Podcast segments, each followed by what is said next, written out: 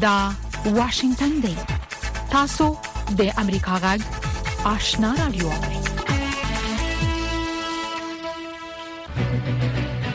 قدرمن اوریدونکو السلام علیکم زه شافیا سردار یم دا د امریکا جغ آشنا رادیو خبرونه پیښه لومړی به خبرونه واوري السلام علیکم درنو اوریدونکو خبرونه اوري زنځرانه یوسف زیم د ایران د کورونو چارو وزیر احمد وحیدی ویلي چې په دغه هیواد کې میشتو افغان کډوالو ته پیژن پاڼې ویشل کیږي او کوم افغان کډوالي چې دغه هیواد ته په غیر قانوني ډول وررزي هغوی به بیرته خپل هیواد ته ستانه کړي شي د ایرانی رسنیو د رپورت لمخې احمد وحیدی ویلي چې د طالبانو د حکومت سره په مشوره په دغه هیواد کې د اوسیدنې د قانوني اسنادو لرونکو کډوالو لپاره به د یکتا په نوم پیژنپاڼې ویشل شي د ایران د کورنیو چارو وزیر د نومبر نوښتمې خبريالانو سره د خبرو په مهال ویلي د کډوالو د تنظیمولو تر په دوو پړاوونو کې ده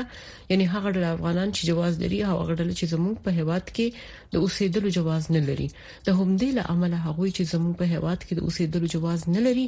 باید بیرته ستانه کړی شي خو هغه چې جواز لري کې دي شي د کار جواز ولري یا اقتصادي او د پانګې اچونې فعالیت ولري باید د پلان شو چوکاټونو په اساس چې د عملي کېدو په حال کې دي لازم اقدامات تر سره شي د ایران د کورنیو چارو وزیر د چهارشنبه د ورځې نا وخت نومبر 29مه د ایکس په ټولنیزه شبکه کې لیکلي چې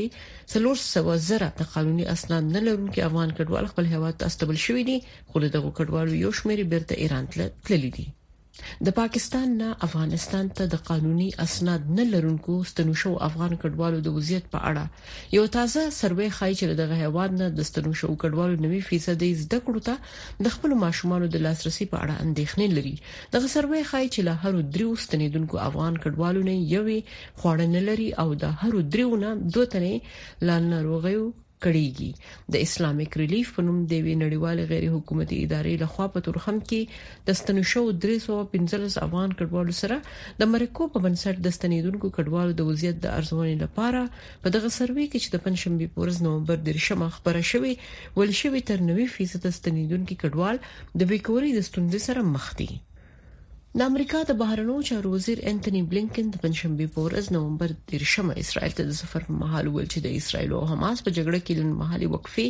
نتیجه ورکړي او باید دوام ومومي په غزه کې د اوربند ومه ورځ و دغه اوربند یو شرط په توګه تر اوسه د اسرائیلي زندانونو نه لږ تر لږه 200 فلسطینی بنديان خوشي شوي او په بدل کې په لسګونه هغه يرغمل آزاد شوي چې د حماس وسلوالو په اسرائیل کې د اکتوبر په ومه په یو خنړ برید کې نیولیو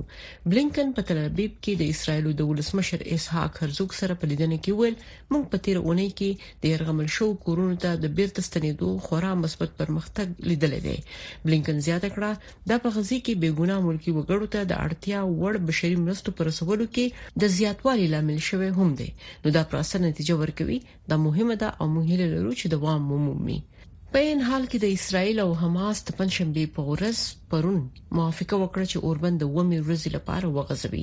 د اسرایل پاز د دوه ورځنی اوربند لپاره تر رسیدو څخه څو دقیقې مخکې په اعلامیه کې ویل د يرغمل شو کسانو د خلاصون د بهیر د دوام لپاره د منځګړو د هڅو او د پخوانی موافقې له شرطونو سره سم به د عملیاتو ځندول دوام ولري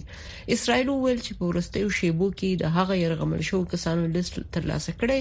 چې نن د پنځشنبه پورز به آزاد شي او د بریدونو د بیا پیلولو پلانونه یې ځنډولې دي حماس هم ویلي دي چې اوربند به د ومه ورځې لپاره دوام وکړي د حماس او اسرائیل ترمنځ اوربند چې لومړی د سلو ورځو لپاره نافذ شو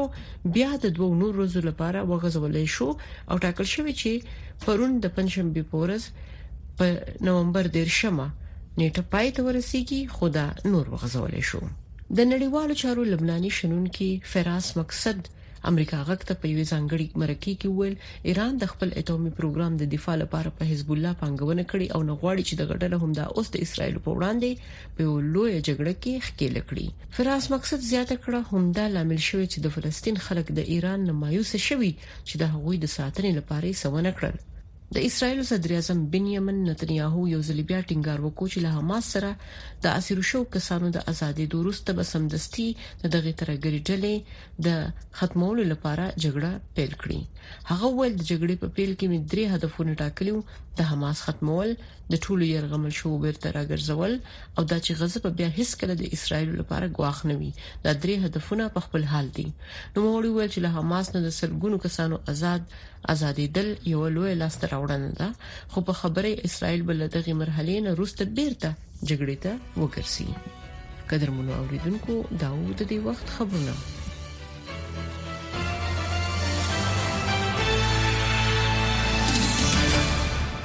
خبرونه مو د امریکا جغ آشنا رادیو څخه واوریدل درنو اوریدونکو زموږ په دې سهارنۍ پښتو خبرونه کې د افغانستان سیمه او نړۍ د اوسنیو حالاتو په اړه کې مهم مطالب لرو او د امریکا جغ سر مقاله هم اوریدلای شي خو لومړی به دا رپورت واوري چې د طالبانو د حکومت دوو چارواکو جلا غونډو ته په وینا کې د نړیوال ټولنې لخوا دغه حکومت ته د شرایطو د وړاندې کولو په اړه په خپل څرګندونو کې ویلي چې دوی د نړیوال ټولنې شرایط منلو ته چمتو نه دي. د سیاسي چارو کارپوهان وایي چې د طالبانو له حکومت د نړیوالې ټولنې لوی غوښتنه د ښځو او نجونو د زده کړو او کار په ګډون په افغانستان کې د بشري حقوقو وضعیت د ښه کېدو په اړه دی.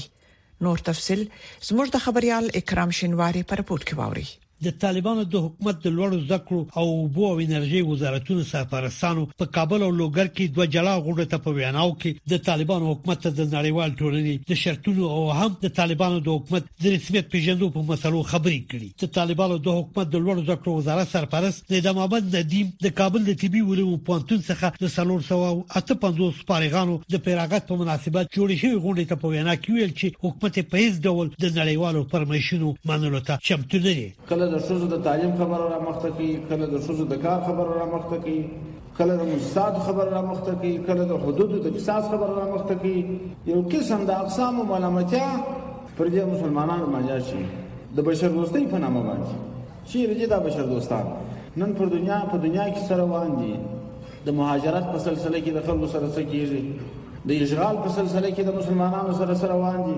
صرف د مرو کې خواشینی څرګند کړ چیرې د انصاف او عدالت چیرې دي همدا شب د طالبانو حکومت د اوبو او انرژي وزارت سرپرست ملا عبد اللطیف منصور د لوګر ولایت د خروار ولسوالۍ کې د چهارشنبه په ورځ د اوبو د یو بند د کار د پرانیستو غونډې ته په وینا کې ویل چې خلک دې په دې اړه اندېښنه نه کوي چې د طالبانو حکومت د نړیوال ټولنې لخوا په رسمیت نه پیژندل کیږي هغه ویل چې د انجونو خونځي به لکه چې د پخوانی جمهوریت رژیم پر مهال پرانیستي وو په دغه بڼه به هیڅ کله د انجونو خونځي پرانه دي سل شي لګیا یم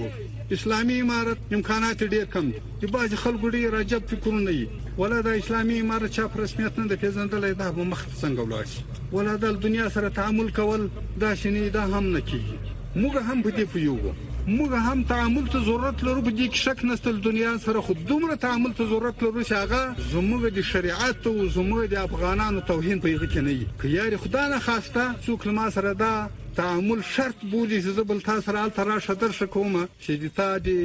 جنکیو مکتبونه د داسې شکل باندې خلاص شي لکه په جمهوري نظام کې خلاص شي یا لکه په نورو دولتو کې چې خلاصي چې نر او ځوان او دا د ټول سره خلط کې هیڅ د شرعي اصول په کې مراعات نه یي کله او حاشا په دې شکل باندې به څوک تعامل ته غاړه کې نه ګدي اسلامي امارت قسم د طالبانو د لوړو زده کړو وزارت سرپرست د نړیوال ټولنې د شرطونو په اړه څه ونه ویل خو د سیاسي چارو شمیر افغان کارپوهان وایي چې نړیوال ټولنه د طالبانو له حکومت څخه څرګندې غوښتنې لري چې په مختلفو وختونو یې اعلان کړي د سیاسي چارو یو کارپوه طارق فرهادي وایي چې د طالبانو له حکومت څخه د نړیوالې ټولنې تر ټولو لویه غوښتنه د ښځو او نجونو د زده کړو او کار د حقونو په ګډون بشري حقونو ته د درناوي غوښتنه ده نه تنها جامعه جهانی بلکه کشورهای اسلامی بلکه تمام مردم افغانستان از اطراف و اکنافش از طالبان خواستار ازی هستند که مکاتب دختران باز کنند و طالبان دو سال است که وعده کردند که مکاتب دختران باز میکنن اما نه تنها باز نکردن بلکه وزیر تحصیلات عالی ددا محمد ندیم دیروز یا پریروز گفته که شاید باید با هیچ نکنیم به خاطر که خواست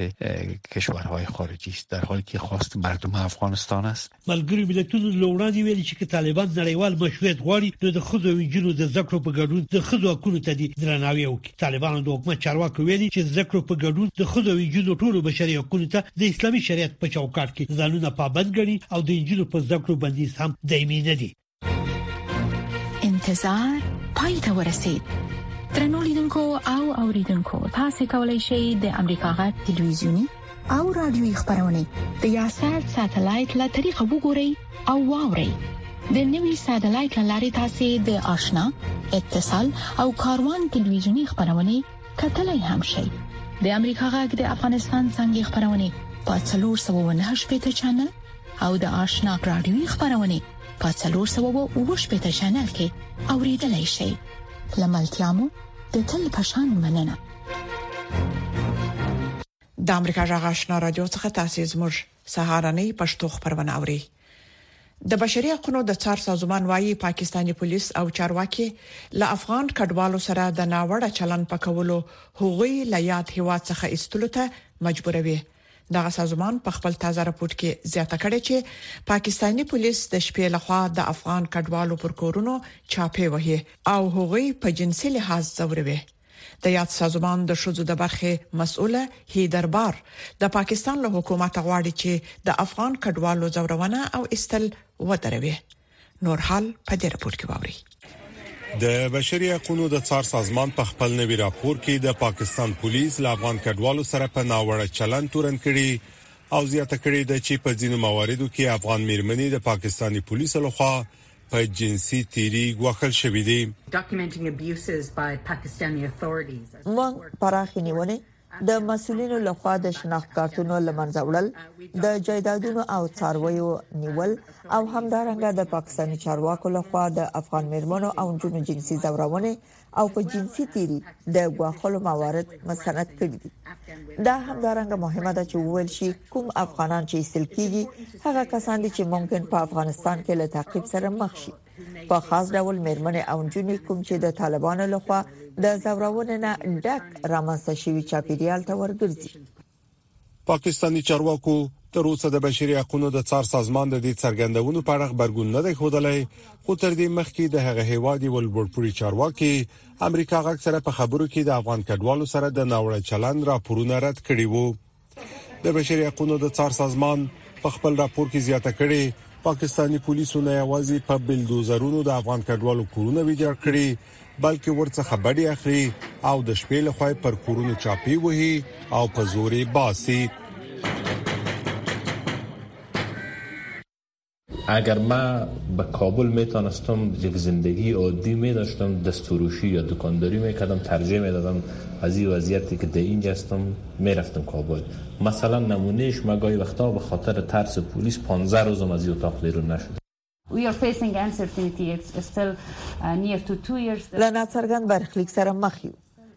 کابو دوه کاله کیږي چې په پاکستان کې یم خو کارونه مې په مخ نه دي تللي هم د کوربه هیواد او هم د سفارتونو له خوا ځنډېدلې دي هغوی د هغو کسانو په اړه جدي اقدام نه کوي چې له ګواښ او خطر سره مخ دي د کډوالو د حقونو یو شمېر فعالین وایي لا هم د پاکستان په زندانونو کې په زرګونه افغان کډوال بنديان دي په پنجاب مختلفو ځینو کې شپې د پولیسو د خوانه چاپی وال کیږي او غیر قانوني او قانوني افغان کډوال دواړه هو گرفتاریږي او ډیر په ظالمانه شکل باندې د پولیسو د خوانه کمپونو ته وړل کیږي به چې دوی دلته شتمنۍ دی او کاروبار دی هغه هم تنه پاتې کیږي پولیس والا د اجازه نه ورکړي چې هغه خپل سامانونه د کډوالۍ په شکل باندې ځان سره وسی دا کډوال په داسې حال کې استل کیږي چې د اسلامیک ریلیف په نامه یوې غیر حکومتي نړیوالې موسسې په خپل تازه سروي کې ویلي له پاکستان څخه 90 سلنه ستانه شوي افغانان زده کړو ته د خپل اولادونو د نه لاسرسي په اړه اندېښنه لري په سروي کې ویل شوی له هر درې ستنیدونکو افغان کډوالو څخه یو یې خوړنه لري او له هر درې څخه دوه تنه له ناروغیو کړيږي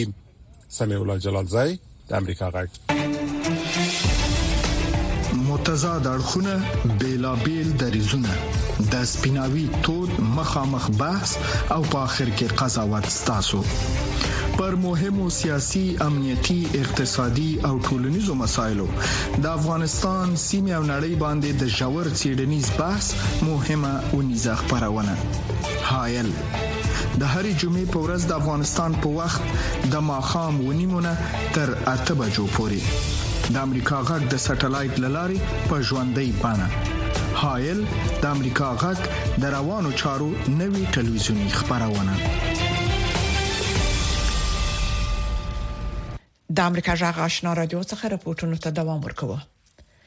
د امریکا د بهرنیو چارو وزیر انتوني بلینکن د پنځ شنبې په ورځ بیرته اسرائیل ته ځي چې د اوربند د غځیدو هڅې وکړي چې په ترڅ کې یې د نورو بندیانو د خوشې کېدو او غزې ته د نورو مرستو د رسولو زمينه مساعده شي.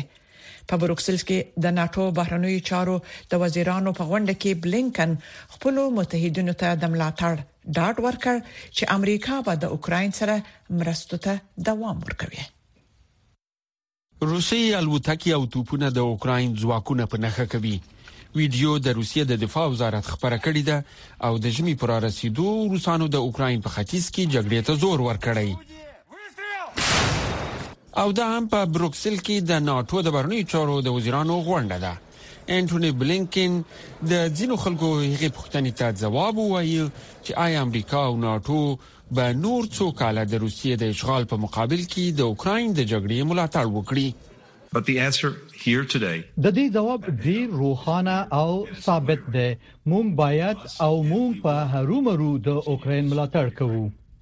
بلېنکن د هغو متحدینو د اندېښنې د رفع کولو هڅه وکړه چې ګومان کوي د امریکا د کانګرس جمهوري غوښتونکي غړي د اوکراین سره د پراخو نظامي مرستو ملاتړ نه کوي بلینکن دغه غونډې ته وویل چې د کانګرس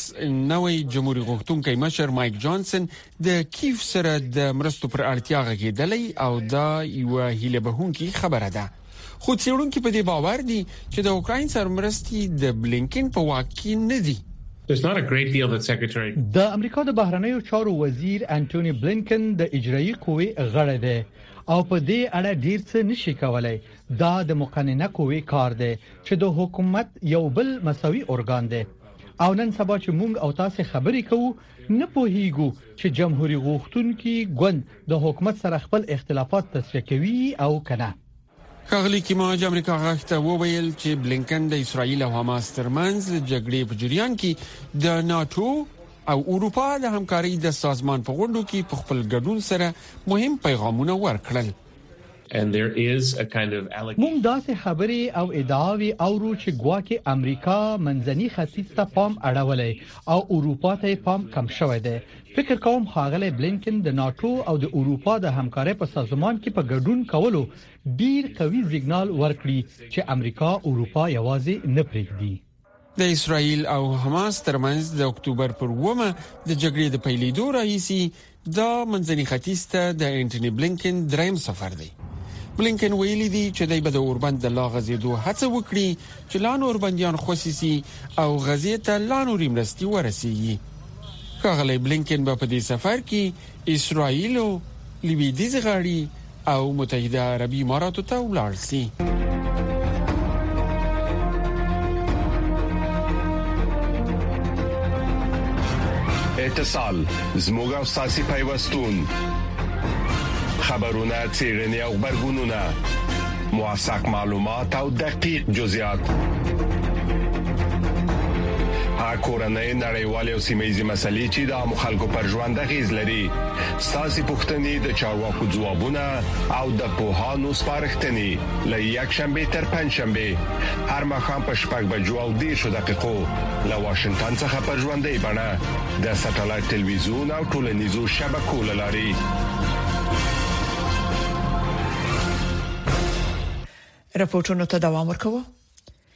د جرمني کولن ښار ته د یو طالب چارواکي سفر چې هلته میشتو افغانانو د یوې ټولنې غونډې ته وینا وکړه د دوه اونۍ وروسته دا موضوع لا هم لانجمنه ده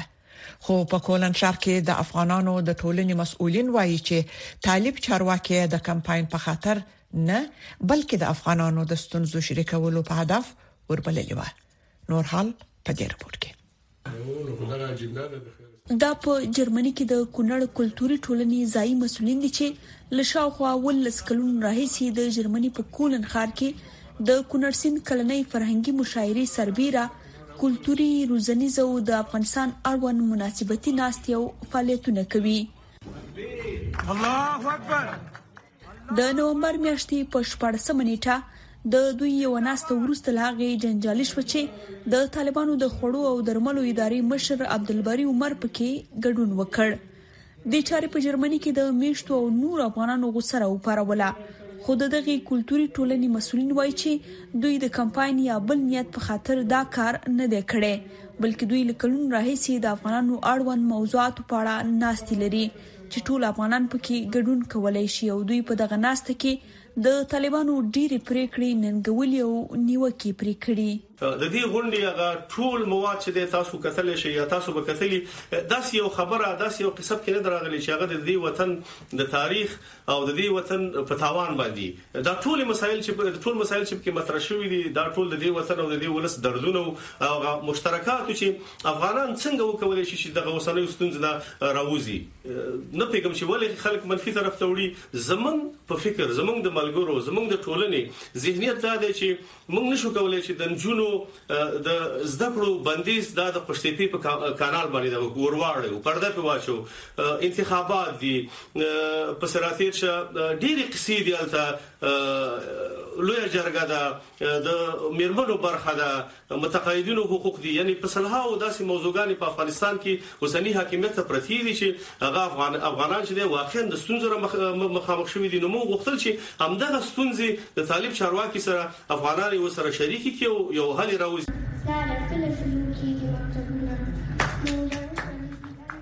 دوی وايي د طالبانو د ډیرو پریکړو مخالف دي خو په دې خوښ دي چې افغانان اوس کولای شي د خبرو له لارې ګڼ موضوعات حل کړي. طالبانو چې کله په افغانستان کې واک ونیو، زه فکر کوم چې د افغانستان نه بهر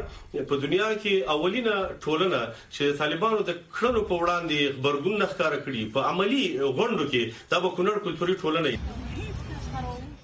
بل لور ته د همدې ښار یو شمېر اوسېدونکو د دغه طالب چارواکي د راتګ پر ضد لاریون وکړ او ګڼو افغانانو په ټولنیزو رسنیو کې توند غبرګون ښودلی دی. در مکان که ما بیست به اعتصاب غذا زدیم، در مکان که ما از دوازدهم آگست تا امروز خیمه های اعتراضی بر ضد جنایت هایی که در افغانستان جریان دارد بر ضد طالب ها ایجاد کردیم ولی در امین شهر کل ما میبینیم که عدهای از شهروندان افغانستان در حمایت از گروه تروریستی طالب ها بر از اینا برنامه میگیرن و تریبیون میتن تا طالب ها بیاین صحبت بکنن کونړ کلتوري ټولنه چې له 2014 میلادي کال راهیسې په جرمني کې فعالیت کوي تر دې مهاله په لزګونو ناشتي کړي چې د مسولینو په وینا هدف یې د کلچر ژوندۍ ساتل او د افغانستان له موضوعاتو ځان او راتلونکي نسل خبرول دي موږ یوازې دا نه، بلکې هر هغه څوک چې د افغانستان او په تېرو کلونو کې د تېرو حکومتونو، د تېرو دولتونو هر هغه څوک چې دلته راتله، موږ هغوی لپاره همېشه غونډې نیولې دي، هم په وړه کچه او هم په غټه کچه باندې، نو موږ تر خپل وسه پورې کوشش کړی دی چې د هغوی سره خلک کېني او افغانان او دا زموږ دنده ده، د بهر مېشتو افغانانو چې موږ دلته یو دا مو دنده ده چې د دغه ناستو لپاره، ځکه دا سې ناستې چې دي دا هغه تبادله نظر دی، د افکارو تبادله ده، نو دا د ولس او د خلکو په ګټه باندې تمامېږي. د طالب چارواکي عبدالباري عمر راتګ چې ګڼ غبرګونونه له ځان سره لرل او د جرمني د کورنیو او بهرنیو چارو وزارتونو ویلي و چې په دې اړه به څېړنې کوي، خو د تېرې پنجشنبې په ورځ د جرمني د نورد راین ویستفالیان ایالت چې کولن ښار یې هم برخه ده، د کورنیو چارو وزیر ویلي و چې د دغه طالب چارواکي په خبرو کې کوم جرمي څه نه دي موندلي چې د پولیسو مداخله توجیه کړي. هیلۍ اسد، د امریکا غږ، جرمني. د بدلون پر مهال کله چې د نړۍ وضعیت څرګند نه وي او کله چې اوریدل له عیني واقعیتونو سره سمون نه خوري، موږ په حقیقت پسې ګرځو. کله چې موږ ته د یو موضوع یوازې یو اړخ بیانېږي نو باور بایلو د ناورین پر مهال د یوې ښې راتلونکې لپاره زموږ خوبونه تم یو هلي پر آزادو مطبوعاتو تکیه وي د امریکا غږ پر چپو موږ هغه خبرونه خبرو چې خلک یې د لیدلو لپاره غواخونه مني موږ نړۍ سره وسلو او د حقیقت په ویلو یو موټی کوو د امریکا غږ لاري موږ بشپړ انزور درکو قدر منوریدونکو هنري کیسنجر د ملي امنیت په خوانی سلاکار او د بهرنیو چارو وزیر د سلو کلونو په عمر مړ شو نوموړی د پخواني جمهور رئیس ریچارډ نیکسن په واکمنۍ کې نړیوال نفوذ درلود. په کنیټیکټ کې په خپل کور کې د هغه د مړینې خبر د هغه د مشورتي شرکت لخوا اعلان شوی او هیڅ لامل یې نه دی ښودل شوی. د امریکا جغ خبريالي سرنسن د یو جنجالي او مشهور امریکایي سیاستوال د ژوند او میراث په اړه رپورت چمتو کړی چې تاسو ته اورو هنري کیسنجر د نولس سوه درویشتم کال د مې په اوویشت مه د جرمني په فورت ښار کې زیږیدلی وو. هغه او د هغه کورنۍ یهودیان وو. دوی په نولس سوه اته دېرش م کې د نازیانو له ویرې متحده ایالاتو ته وتښتیدل. هغه د دویمې نړیوالې جګړې پر مهال د امریکا په پوځ کې شامل شو او بیا یې په هارورډ پوهنتون کې زده کړې وکړې. کله چې په نولس سوه نهه شپېتم کې پخوانی ولسمشر ریچارډ نیکسن واکمن شو، نو کیسنجر یې د خپل ملي امنیت سلاکار په توګه وټاکه. هغه وروسته د بهرنیو چارو د وزیر په توګه هم وټاکل شو او لومړی کس شو چې دواړه وظیفې په یو وخت کې ترسره کولې. کیسنجر د خپل طرز ریښتینی یا عملي سیاست کاوه. معنی یې دا وه چې بهرنۍ پالیسي باید په هغه څه ولاړه وي، څه چې په عمل کې وي، نه چې اخلاقي پرېکړې یې تر شا وي. د هغه منتقدین استدلال کوي چې هغه ظالم او بې رحمه و، ځینې استدلال کوي او دا کېدای شي د یو شمېر امریکايي مشرانو په اړه رښتیا وي او وايي به چې د هغه سره باید د جنګي مجرم په توګه چلند وشي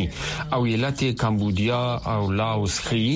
او په اویایمه لسیزه کې د بنگلاديش په وړاندې د هغه تګلاره ده خو حقیقت دا دی چې هغه په ډیپلوماسي داسې اغیز کړی چې خورا غیر معمولی دی درنو اوریدونکو دا د امریکا غږ سر مقاله ده چې د امریکا د حکومت نظر څرګندوي نړۍ اوس د يهودو په ضد ستر موج مشاهده کوي د امریکا خاص استاذ ديبورا ليپزتات چې د يهودو ضد څارنه کوي او مبارزه ورسره کوي د تازه وخت د معلوماتو د ورکولو په وخت کې وویل، موږ په درسته نړۍ کې په ډېرو لسیزو کې مشاهده کړل، حماس له خوا د اکټوبر د میاشتې په اومه نېټه د اسراییلو په خلاف د تروریستي حملې مرتکب شوي وو، دا د یهودانو لپاره د هالوکاست نه را په دې خوا مرګاني ورځ وه او سفیر لیپستات نو ویلي دې د حماس لپاره